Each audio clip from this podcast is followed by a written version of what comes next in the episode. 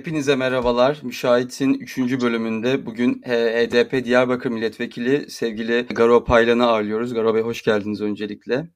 Bugün gerçekten yoğun bir ajandamız var. Umarım hep birlikte bütün boşlukları doldurarak, slogana değil diyaloğa önem vererek çok güzel bir program geçireceğiz. Şimdi ilk soruyla başlamak üzere sözü IBK'ye bırakıyorum.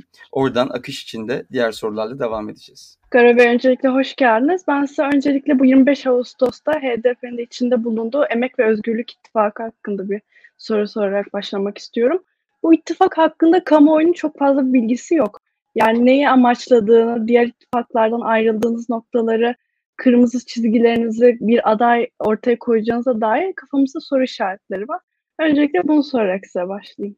Hay hay teşekkür ederim Aybük Hanım. Şöyle ki şimdi Türkiye'de iki siyasi gelenek var. Yani biri bugün AKP'nin temsil ettiği daha milliyetçi, muhafazakar ve bir sağ ittifak olarak değerlendiriliyor. Biz bu ittifakın yani AKP'nin temsil ettiği çizginin Türkiye'ye bir hayır getirmediğini hep gördük. Yani Türkiye'de eşitsizlikleri artırdı, ekolojik bir yıkım yarattı. Kadın özgürlüğü konusunda hiçbir iddiası yok ve ne zaman bu çizgi demokrasi demişse sonuçta faşizan bir noktaya savrulmuştur. Bugün de öyle oldu. AKP'de MHP ile birlikte Türkiye bir faşizme doğru sürükledi. Bir de CHP'nin temsil ettiği bir çizgi var. O çizginin de aslında geçmişte Türkiye pek çok acılar yaşattığını, son dönemde belli çabalar içinde olmasına rağmen gelinen noktada Türkiye'ye eksik bir demokrasi vaat ettiğini düşünüyoruz. Tamam elbette her siyasi parti Türkiye vaatlerini söyler ama CHP şu anda CHP ve İyi Parti'nin birlikteliği şu anda Türkiye'ye bir eksik demokrasi vaat ediyor.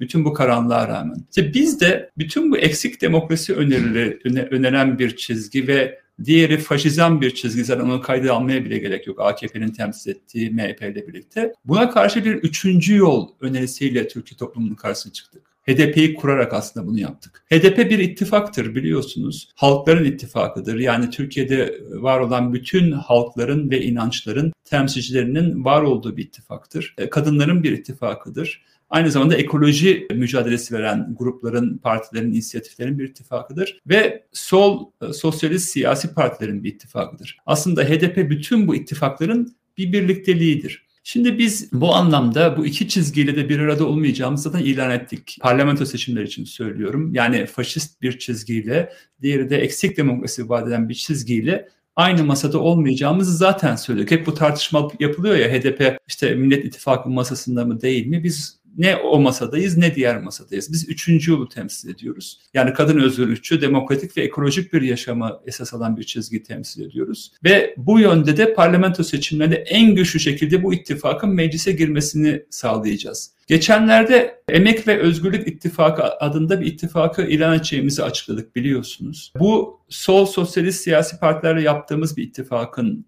adıdır. Ama bu yalnızca tek ittifakımız değildir. HDP zaten bir ittifaktır. Dediğim gibi ekoloji ve kadın örgütleriyle ve Kürdistani siyasi partilerle yaptığımız ittifaklar da var. Bu ittifakları da büyütmek amacındayız ve HDP'yi en güçlü şekilde meclise sokmak amacındayız. E, çok teşekkürler. Buradan ilk hedef olarak herhalde meclise güçlü bir şekilde e, girmeyi amaçladığınızı çok Belirleyici güç olarak gitmeyi istiyoruz. Yani tabii ki her siyasi partinin amacı ülkeyi yönetmektir. Ama eğer ki yeni dönemde faşist çizgi tarihin çöz sohbetine atmak istiyoruz yani AKP MHP birlikteliğini ama eğer ki diğer ittifak kazanacaksa da onun mecliste bir muhalefete ihtiyacı var, bir ana muhalefete ihtiyacı var, yapıcı bir ana muhalefete ihtiyacı var. O da biz olma amacındayız. Gerekiyorsa yönetimin bir parçası olacağız. Eğer dışlanmaya kalkarlarsa bizi de bir ana muhalefet partisi olarak görev vereceğiz mecliste. Çok teşekkürler. Ben ikinci olarak şu soruyla devam etmek istiyorum. AK Parti'nin uzun yıllardır HDP'yi kriminalize etme, yalnızlaştırma, diğer toplumlarla diyalog kurmasını engellemeye yönelik birçok tahrik ya da hukuki süreçlerle ya da başka yöntemlerle bunu yaptığını biliyoruz. Aslında bu ittifak belki de bu anlamda bir cevap oldu da diyebiliriz. Bu sürece karşı bir bir tepki de oldu diyebiliriz. Bu anlamda seçime kadar bunun devam edeceğini düşünürsek ki devam etmesini bekliyoruz. Hatta ve hatta kim yorumlar kapatılma davasının sonuçlanacağını söylüyorlar. HDP'nin seçime dahi giremeyecek hale getirileceğini söylüyorlar. Bu noktada nasıl bir strateji izliyor HDP? Şimdi HDP aslında 100 yıllık bir müesses nizam var biliyorsunuz. Tekçi bir düzen var. Yani burada Türk kimliğini esas alan, Sünni Müslüman inancını esas alan, kadını yok sayan, doğamızı katleden, Türkiye gibi cennet gibi bir ülkeyi hepimize zindan eden karanlık bir müesses nizam var. Şimdi biz bazen iktidar partilerini bu müesses nizamın sebebi zannediyoruz. Oysa onlar yalnızca makinisti. Yani 100 yıldır sonuç olarak 100 yıl önce AKP yoktu. Yani ama 100 yıldır tekçi bir anlayış var. Şimdi biz HDP olarak aslında bütün bu ezbere yani tekçi ezbere karşı çoğulcu bir paradigmayı Türkiye toplumu öneriyoruz. Yani biz Türküz, Kürdüz, Ermeniyiz, Hristiyanız, Aleviyiz, Müslümanız, Sünniyiz, kadınız, genciz ama hepimiz onurlu Türkiye Cumhuriyeti yurttaşlarıyız. Ve devlet aygıtı, bu bence ceberut devlet aygıtı bizim kimliklerimize, inançlarımıza saygı duymuyor. Hepimiz bu ülkenin yurttaşlarıysak, kadimden gelen yurttaşlarıysak bu devlet düzeni hepimize saygı duymalı. Hepimizin diline, kimliğine, inancına hizmet etmeli eşitlik düzeyinde. İşte biz bu paradigmayı öneriyoruz. Şimdi AKP bir dönem biliyorsunuz demokrasi falan bir şeyler söyleyip çözüm süreci adında bir prosedür yürüttü ama ne zamanki gücünü kaybettiğini anladığında veya cemaatle olan ittifakı bozulduğunda yüzünü statikoya döndü, MHP'ye döndü ve 7 yıldır da HDP'ye zulmediyorlar. HDP'yi kapatmaya çalışıyorlar. Ama HDP bir dükkan değil. HDP milyonlarca insanın iradesi. Ve bundan öte HDP bir umuttur. Yani Türkiye'yi karanlığa doğru sürüklemeye çalışan, kadınları eve tıkmaya çalışan, ekolojimizi, doğamızı, deremizi mahvetmeye çalışan ve tekçiliğe mahkum etmeye çalışan karanlığa karşı çoğulcu bir paradigmayı, kadın özgürlükçü bir paradigmayı, ekolojik bir paradigmayı öneriyoruz. Bu anlamda HDP aslında bir umuttur. Bu umudu büyütmek amacındayız. Ama en büyük sıkıntımız şu Barış Bey, bir muhatabımız yok. Yani HDP şu anda anketlere görüyorsunuzdur. %13, 14, 15 gibi oylara tekabül ediyor. Bizim hedefimiz %20'yi aşmak olacak. Ama şunu biliyoruz, tek başımıza bu ülkeyi yönetecek güce henüz sahip değiliz. Keşke HDP'nin düşünceleri iktidarda olsa emin olun Türkiye'de hem huzur olur hem de refah olur ama şu an tek başına yönetecek güce sahip değiliz. Bu noktada ne yapmamız lazım? Müzakere etmemiz lazım. HDP aynı zamanda bir müzakere partisidir. Yani kendimizi yalnız başına dayatmıyoruz. Başka demokratik güçlerle müzakere etmek istiyoruz. Şu andaki sıkıntımız bir muhatabımızın olmaması ve herhangi bir siyasi partinin bu anlamda HDP ile açık bir şekilde bu müzakereleri yapmaya kendini bu konuda bir adım atamaması, bu cesareti gösterememesi sıkıntımız. Biz diyoruz ki Türkiye'de en ileri demokrasi ve en radikal demokratik önerileri HDP yapıyor. Gelin bu konuda müzakere edelim diyoruz ama görüyorsunuz son günlerde de efendim HDP ile görüşmeyi bile kriminalize eden bir anlayışla karşı karşıyayız. Bunu reddediyoruz.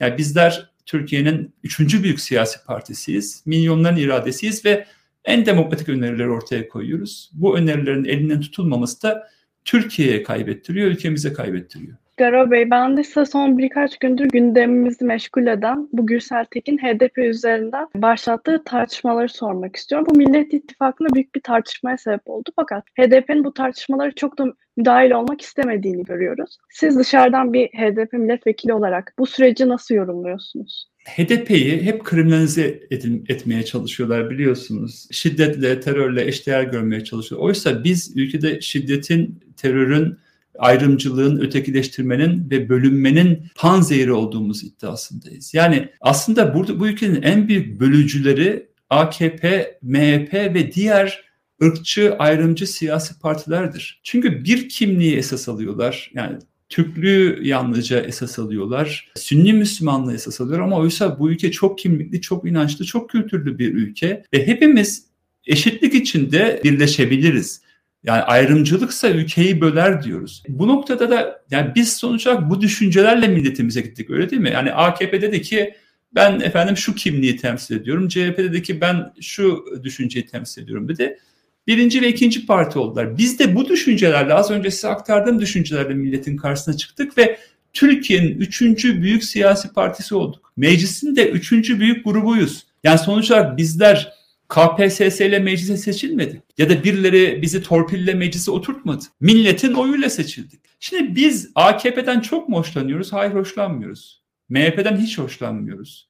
İyi Parti ile ideolojik olarak hiçbir ortaklığımız neredeyse yok ama onlara saygı gösteriyoruz. Öyle değil mi? Çünkü o niye saygı gösteriyoruz? Sevdiğimiz için mi? Hayır. Millet ona oy, onlara oy verdiği için saygı duyuyoruz. Erdoğan'ı hiç haz etmiyoruz uyguladığı politikalardan. Ama saygı duyuyoruz, duymak zorundayız. Neden? Çünkü bir önceki seçimlerde öyle ya da böyle Cumhurbaşkanı olarak seçildi. Yürütmenin başı. Saygı duymak zorundayız. Aynı şekilde Türkiye'nin üçüncü büyük partisi olarak HDP'liler olarak diğer siyasi partilerden de aynı şekilde saygı görmek istiyoruz. Bu saygıyı bizim için değil, bizim kişiliğimiz için değil, millet için saygı göstermek zorundalar. Bize oy verenler adına saygı göstermek zorundalar. Maalesef bu durumdan uzak bir noktaya sarılmış durumdayız. Sayın Gürsel Tekin'in söylediği şey aslında yani bir soruya verilen cevap Orada aslında esas mesele şu bakanlık verilip verilmemesi bizim umurumuzda değil. Türkiye uçurumun kenarına doğru sürükleniyor Aybike Hanım. Yani Türkiye şu anda uçurumun kenarına doğru sürükleniyor. Ve bu uçurumun kenarına doğru sürüklemekten en büyük rahatsızlığı biz HDP'liler duy- duy- duyuyoruz ve en büyük zararı da biz görüyoruz. Çünkü faşizm en çok bize biliyorsunuz zulmediyor, bizi hapse atıyor, bizim belediye başkanlarımızı hapse atıyor, kayyumlar atanıyor, eş genel başkanlarımız hapse atılıyor. Bizler zulüm görüyoruz, Kürt halkı en büyük zulmü görüyor burada. E şimdi biz bu düzenin değişmesini istiyoruz. Bu noktada baktığımızda diğer muhalefet partilerine diyoruz ki gelin birlik olalım. Yani birlik olmak demek aynı düşünceye sahip olmak demek değil. Ülke bir uçurumun kenarına gidiyor. Bu noktada farklı düşünen siyasi partilerin sorumlu davranıp yani ayrıştığı noktaları bir kenara bırakıp sorumlu davranıp ülkeyi uçurumun kenarından kurtarması gerekir. Bu siyasi gerçeklik. Yani çünkü hepimiz sorumlu davranmalıyız ve en sorumlu davranan parti de HDP'dir iddiayla söylüyorum. Biz diyoruz ki kendimizi dayatmıyoruz. Böyle olmazsa biz bu oyunda yokuz demiyoruz. Gelin müzakere edelim ülkeyi nasıl uçurumun kenarından çıkaracağımızı konuşalım diyoruz. Cumhurbaşkanı seçimleri ve parlamento seçimleri için ve sonrasında da yol haritamızı nasıl belirleyeceğiz? Ülkede nasıl demokrasiyi taşıyacağız? Bunu konuşalım diyoruz. Bu tekleşmek anlamına gelmez. Kendimizden vazgeçmek anlamına gelmez ama ülkeyi uçurumun kenarından kurtarma iradesini ortaya koymak anlamına gelir. Bunu başarabilirsek bizim bir iddiamız var. Cumhurbaşkanı adayımız bu ilkelere sahip bir Cumhurbaşkanı adayının %80'le kazanacağını iddiayla söylüyoruz. Çünkü %40 ise altılı masanın hitap ettiği kesim, HDP'nin de %15 ise bu ikisinin toplamı %55 etmez. Bir sinerji yaratır, bir rüzgar yaratır. Kesinlikle kazanacak artık bu aday diye bakılır ve %75-80 oyla Cumhurbaşkanı adayını seçtirebiliriz. Ama ne yapıyor Sayın Erdoğan? Bak onlar birlikteler, bak arkadan konuşuyorlar, bak masanın altından konuşuyorlar, arka kapıdan konuşuyorlar deyip muhalefetin içine nifak sokuyor. İşte bizim bu çağrılarımıza mukabele edilmediği için bu oluyor ve bir sinerji yaratılamıyor ve e, cesaret gösterilemiyor. Bu siyasi sebebi Ayıp Hanım. Bir de matematiği var işin. Şimdi bütün bu ekonomik krize rağmen, bütün bu siyasi krize rağmen, demokrasi krizlerine rağmen, huzurumuzu, refahımızı elimizden almasına rağmen iktidar anketlere bakıyorsunuz hala Erdoğan yüzde 40 oy alacak diye gözüküyor. Şu andaki objektif anketler yani bu şartlarda. E, muhalefete bakıyorsunuz altılı masaya o da yüzde 40 civarında oy alacak diye gözüküyor. Yani siyaset bilmiyorsanız biraz matematik gerçekten öğrenin diyorum. Yani yüzde 40 ile tek başına siz Cumhurbaşkanı seçebilecekseniz buyurun seçin. Bize zaten ihtiyacınız yok. Dersiniz ki arkadaş benim yüzde 55-60 oyum var. Ben yüzde 40 değil anketlere bakmayın.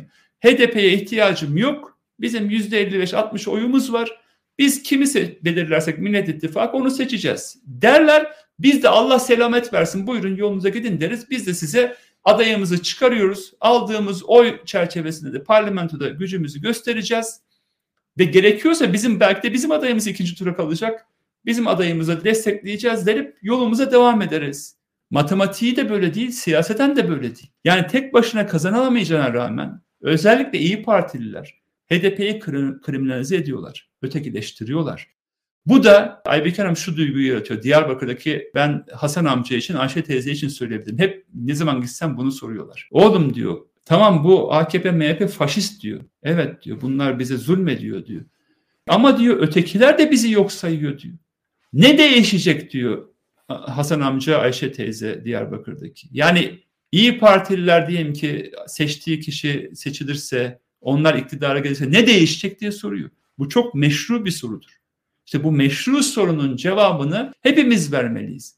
Ve nasıl ki dediğim gibi biz İyi Parti'den haz etmiyorsak, İyi Parti bizi haz etmiyorsa ama tarihi sorumluluk bize bu birlikteliği zorluyorsa bu konuda herkes şapkayı önünde koyup düşünmeli. Biz bu sorumlulukla davranıyoruz ama maalesef özellikle iyi Partililer bu sorumlulukla davranmıyorlar. Tam buradan biraz seçime bağlamak istiyorum. Bahsettiğiniz gibi bu altılı masanın ve başta Millet İttifakı'nın en büyük vaatlerinden bir tanesi elbette parlamenter sisteme geri dönüş. Ve şu anki az önceki bahsettiğiniz matematiği devam ettirecek olursak sizin partinizin ve bulunduğunuz ittifakın meclisteki desteği parlamenter sisteme dönüş için seçim kazanılsa dahi önemli bir noktada olabilir. Kritik bir önemde olabilir. Devam edeyim. Anketler bu şekilde giderse sizin az önce açıkladığınız gibi çıkarılacak ortak adaya da destek olunması çok kritik bir durumda olabilir. Bu süreç bu noktaya geldiği zaman hem partinizin ittifak adına da konuşabilirsiniz elbette.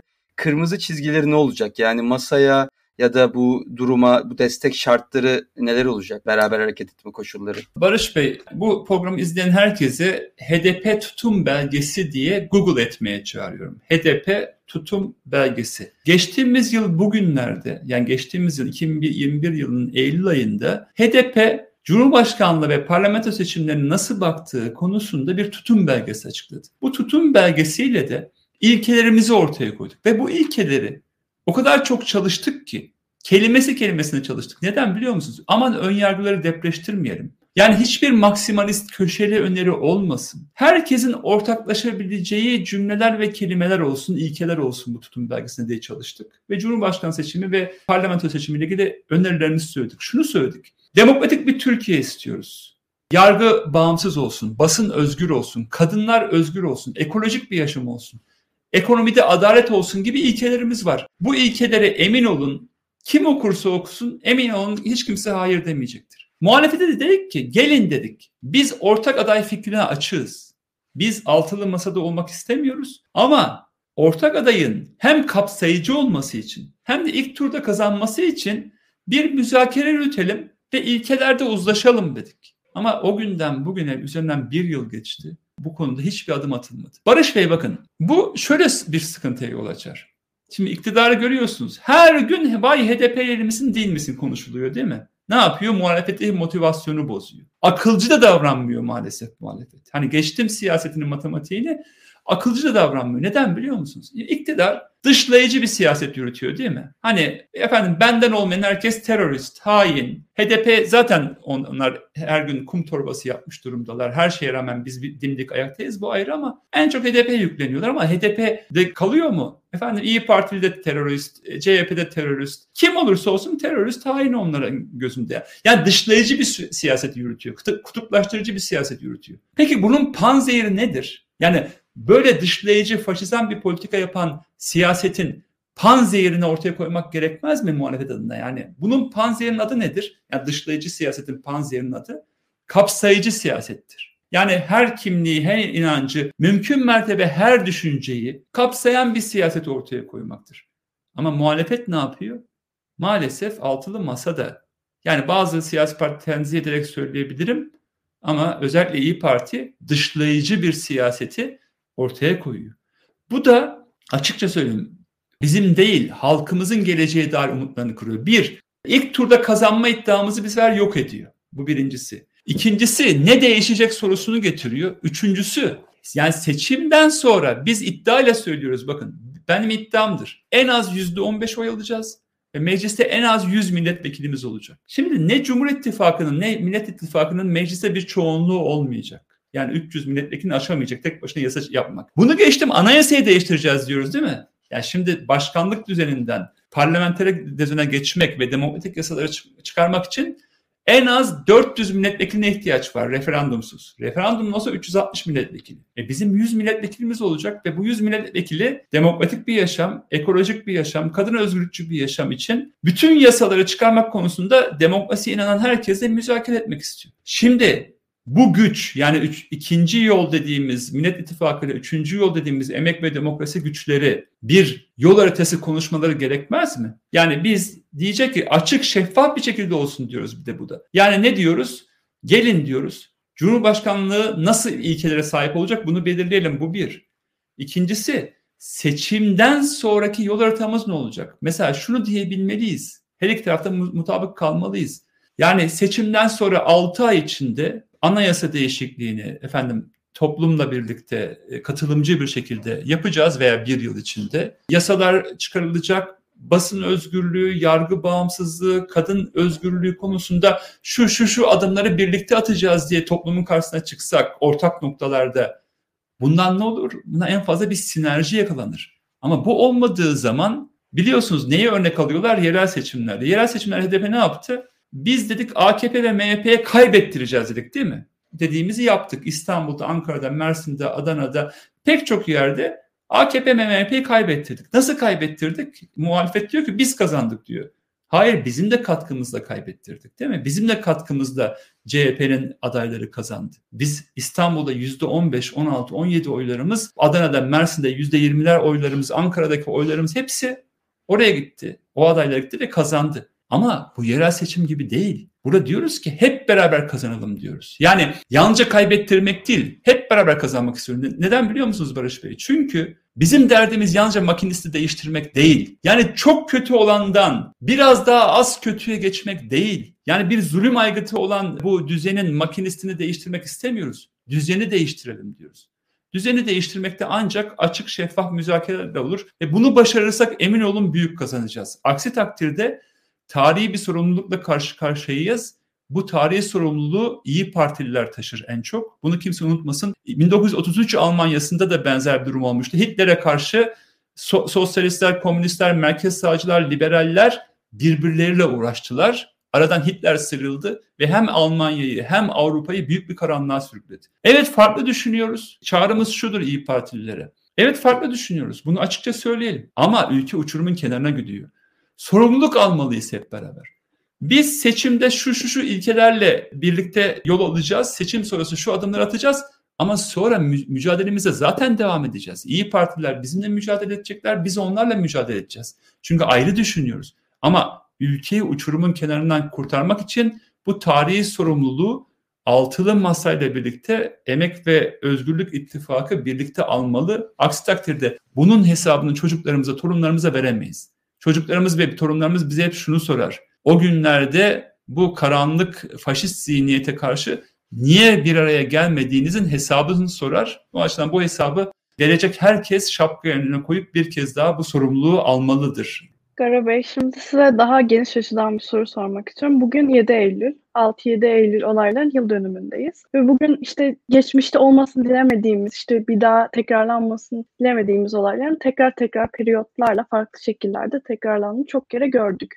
Bugün işte Kürt sorunu, azınlıkların hakları, eşit kimlik, işte bu gibi konularda demokratikleşme süreçlerinde yaşadığımız sorunların ileriki dönemlerde düzeleceğine inanıyor musunuz bir siyasetçi olarak? Yani bu siyasi atmosfer bizi oraya götürür mü? Ben şöyle bir ekleme yapayım. Ekonomik evet. kriz ve özellikle mültecilerin içinde bulunduğu ve bu, bunlar da zaman zaman gündeme geliyor. Bu bağlamda. Aybike Hanım, demokrasi krizi ekonomik krizi yaratmıştır. Bunu unutmayalım. Şu anda sizler çok gençsiniz ve benim en büyük üzüntüm yani artık 50 yaşında olan bir siyasetçi olarak en büyük üzüntüm gençlerin gelecek umudunu kaybetmesidir. Yani ben sizlerin yaşındayken geleceğe dair hep umutlu oldum. Hep ülkem çok daha iyi yerde olacak. Hep daha demokratik olacak umudundaydım. Çünkü bu mücadeleyi veriyorduk ve her gün daha iyi olacak duygusundaydık. Ama şimdiki gençlere bakıyorum.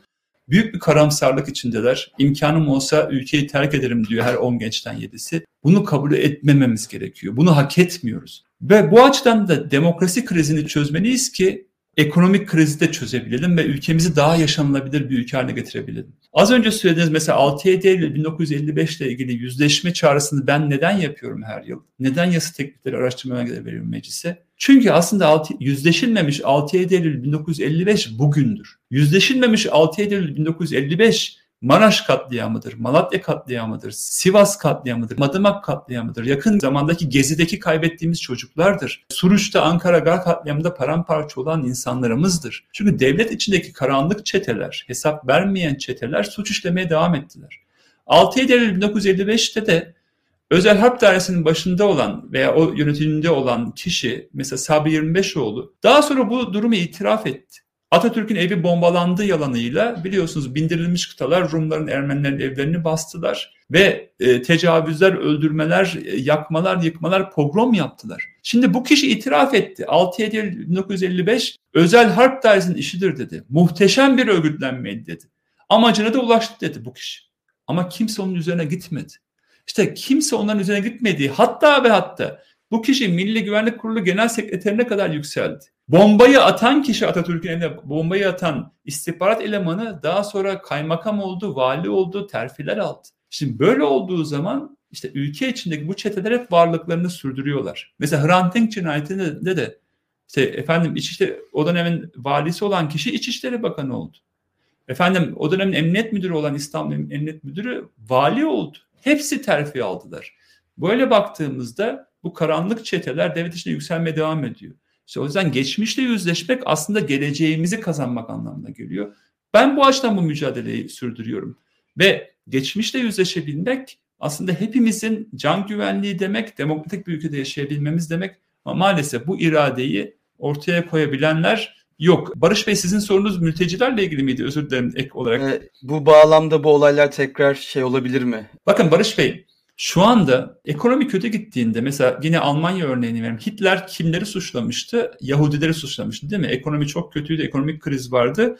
Yahudileri hedefleştirmişti. Onlara günah keçisi haline getirmişti. Bir nefret objesi haline getirmişti ve Yahudi soykırımına kadar varan süreçler söz konusu olmuştu. Şimdi de Erdoğan ekonomiyi çok kötü yönetiyor. Yani oysa Türkiye mesela bırakın 85 milyonu 105 milyon 120 milyon kişi de olsa Türkiye'de e, herkese ekmek, herkese iş aş olabilir. Rahatlıkla sağlanabilir ama şurada birkaç milyon mülteciyi e, günah keçesi haline getirdi ve onlara karşı biliyorsunuz geçtiğimiz her gün bir nefret söylemi var ve nefret suçları var. Ben bunun da sıradanlaştığını görüyorum ve çok üzülüyorum. Yani muhalifim diyen kesimlerde daha çok olarak onu da söyleyeyim. Yani iktidar kesiminde de tabii ki var ama muhalifim diyen kesimlerde bir nefret söylemi yani mültecileri göndereceğiz efendim e, onları postalayacağız, paketleyeceğiz, gelir gelmez kapının dışına atacağız diyenler var. Şunu kimse unutmasın. Suriye'deki yangına benzini Türkiye döktü. Tamam diyebilirsiniz ki o öbür iktidardı ama sonuç olarak Türkiye'nin iktidarı döktü. Ve o yangın yüzünden mülteciler daha çok e, ülkeleri yandığı için Türkiye'ye doğru göç etmek zorunda kaldılar. Suriye'de barış şartlarını yaratmadan o insanları o yangına tekrar atmak kabul edilemez.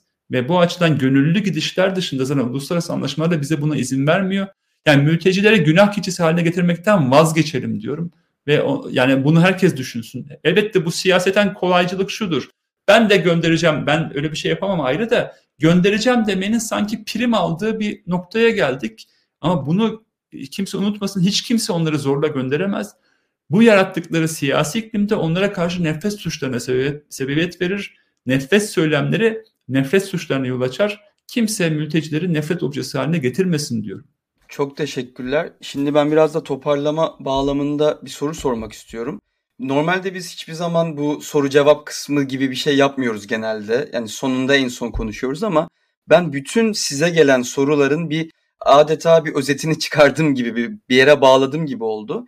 Bunu sormak istiyorum izninizle. Temelde HDP'nin dönüşüp dönüşmediği ile ilgili, HDP'nin bu son olaylardan sonra ne olduğu ile ilgili bir takım insanların soruları var. Bunların bazıları bu arada özellikle mecliste 2015 yılında HDP'nin barajı geçmesi noktasında da destek vermiş insanlar. Hani bireysel olarak da bildiğin durumlar var. E bir takım insanların bir takım yani vatandaşlarımızın şöyle soru işaretleri artık işte bu Türkiye'lileşme, daha kapsayıcı olma HDP içinde reaksiyonla karşılaşabiliyor. Artık böyle bir durum var. İşte bu takım durumların ajandası değişti. Bunun tabii haklı sebepleri olan haksız sebepleri olana girmeden söylüyorum. Bu yüzden de insanlar bazı size daha önce oy vermiş insanların bir takım çekinceleri olabiliyor. Bu konu hakkında ne söylemek istersiniz? Barış Bey ben HDP'nin kurucularından birisiyim. Ya ben hep insan hakları savunucusu oldum. Ermeni toplumunda çeşitli kurumlarda çalıştım. Ama ya kim mağdursa hep onun yanında oldum. Ya başörtülüler üniversite yıllarında mağdurdu onların yanında oldum. Kürtlerin yanında oldum. Efendim LGBT bireylerin yanında oldum. Yani kim mağdursa hep onun yanında oldum. Daha sonra bu mağdurların birleşkesi olarak biz HDP'yi kurduk. Ve Kürtler biliyorsunuz öncül partilere %6 oy alırken bir anda %13 oy aldık. Bu tabii mücadele sonucunda söz konusu oldu. Ve ondan sonra e, biliyorsunuz müesses nizam bize karşı bir savaş açtı diyeceğim açıkça söylüyorum. Ve 7 yıldır bakın her gün HDP küfrediyorlar. Ve bizimle ilgili ön yargıları depreşmiş arkadaşlara şunu öneririm. Yani yani her gün bir propaganda aygıtının nefret objesi getirmeye çalıştığı aygıta karşı ön yargıların de, derinleşmesi normaldir. Ama bu emin olun biz değişmedik. Değişen Türkiye'dir ve değişen Türkiye'nin siyasetidir. Yani 7 yıl önce HDP efendim makbul partiydi, şimdi efendim şöyle oldu, böyle oldu diyenler şu propaganda aygıtının etkisini sorgulasınlar derim. Çünkü biz aynı çaba içindeyiz ama şu da unutulmasın. Eş genel başkanları tutuklanmış. Milletvekilleri hapse atılmış. İki kere belediye seçimine gitmişiz. İki kere bütün belediyelerine kayyum atanmış. Daha seçim gecesi hapse atılmış. Daha geçenlerde bir milletvekilimiz eski nişanlısıyla efendim barış süreci zamanında çekilmiş fotoğraflar yüzünden hapse atıldı. Daha geçenlerde Diyarbakır'da bir Kürt amcanın eline çocuğunun kemikleri poşet içinde verildi. Yani bu kadar öfke yaratan politikalar karşısında HDP hala barış diyor. Hala demokrasi diyor, hala eşitlik diyor. Ama karşı taraf seni yok edeceğim diyor. Seni itibarsızlaştıracağım diyor. Bu anlamda çalışıyor. Buna karşı da muhalefetim diyen partilerde yeterli empatiyi göstermiyorlar, yeterli desteği vermiyorlar. De- destek dediğim şey şu zaten, demokrasiye destek. Yani bu şartlarda HDP'nin hala gücünü koruyor olması, yani yüzde 13, 14, 15 oy alacağım demesi, hatta ben yüzde 20 iddiasındayım, büyük bir başarıdır. Ben iddiayla söylüyorum, HDP'ye uygulanan zulmün yüzde birini AKP'ye uygulasanız, bugün AKP diye bir parti kalmaz. Çünkü AKP para, pul, mevki, makam partisidir. Para, pul, mevki, ma- makam bittiği zaman AKP biter. Ki bitiyor. Diğer siyasi partilere iddia ediyorum. Bize uygulanan zulmün yüzde ikisi de diğer siyasi partilere uygulansa o partilerle kalmazdı. Ama biz bütün zulümlere rağmen dimdik ayaktayız. Niye? Çünkü HDP'liler haysiyet mücadelesi veriyor. Şunu söylüyoruz, kimliklerimiz onurumuzdur. Ben Ermeniyim, Hristiyanım, benim kimliğim onurum. Aynı zamanda Türkiye Cumhuriyeti yurttaşıyım. Bundan onur duyuyorum. Bir Türk de kimliğiyle onur duyar, Müslüman da Müslüman kimliğiyle onur duyar, bir Kürt de kimliğiyle onur duyar.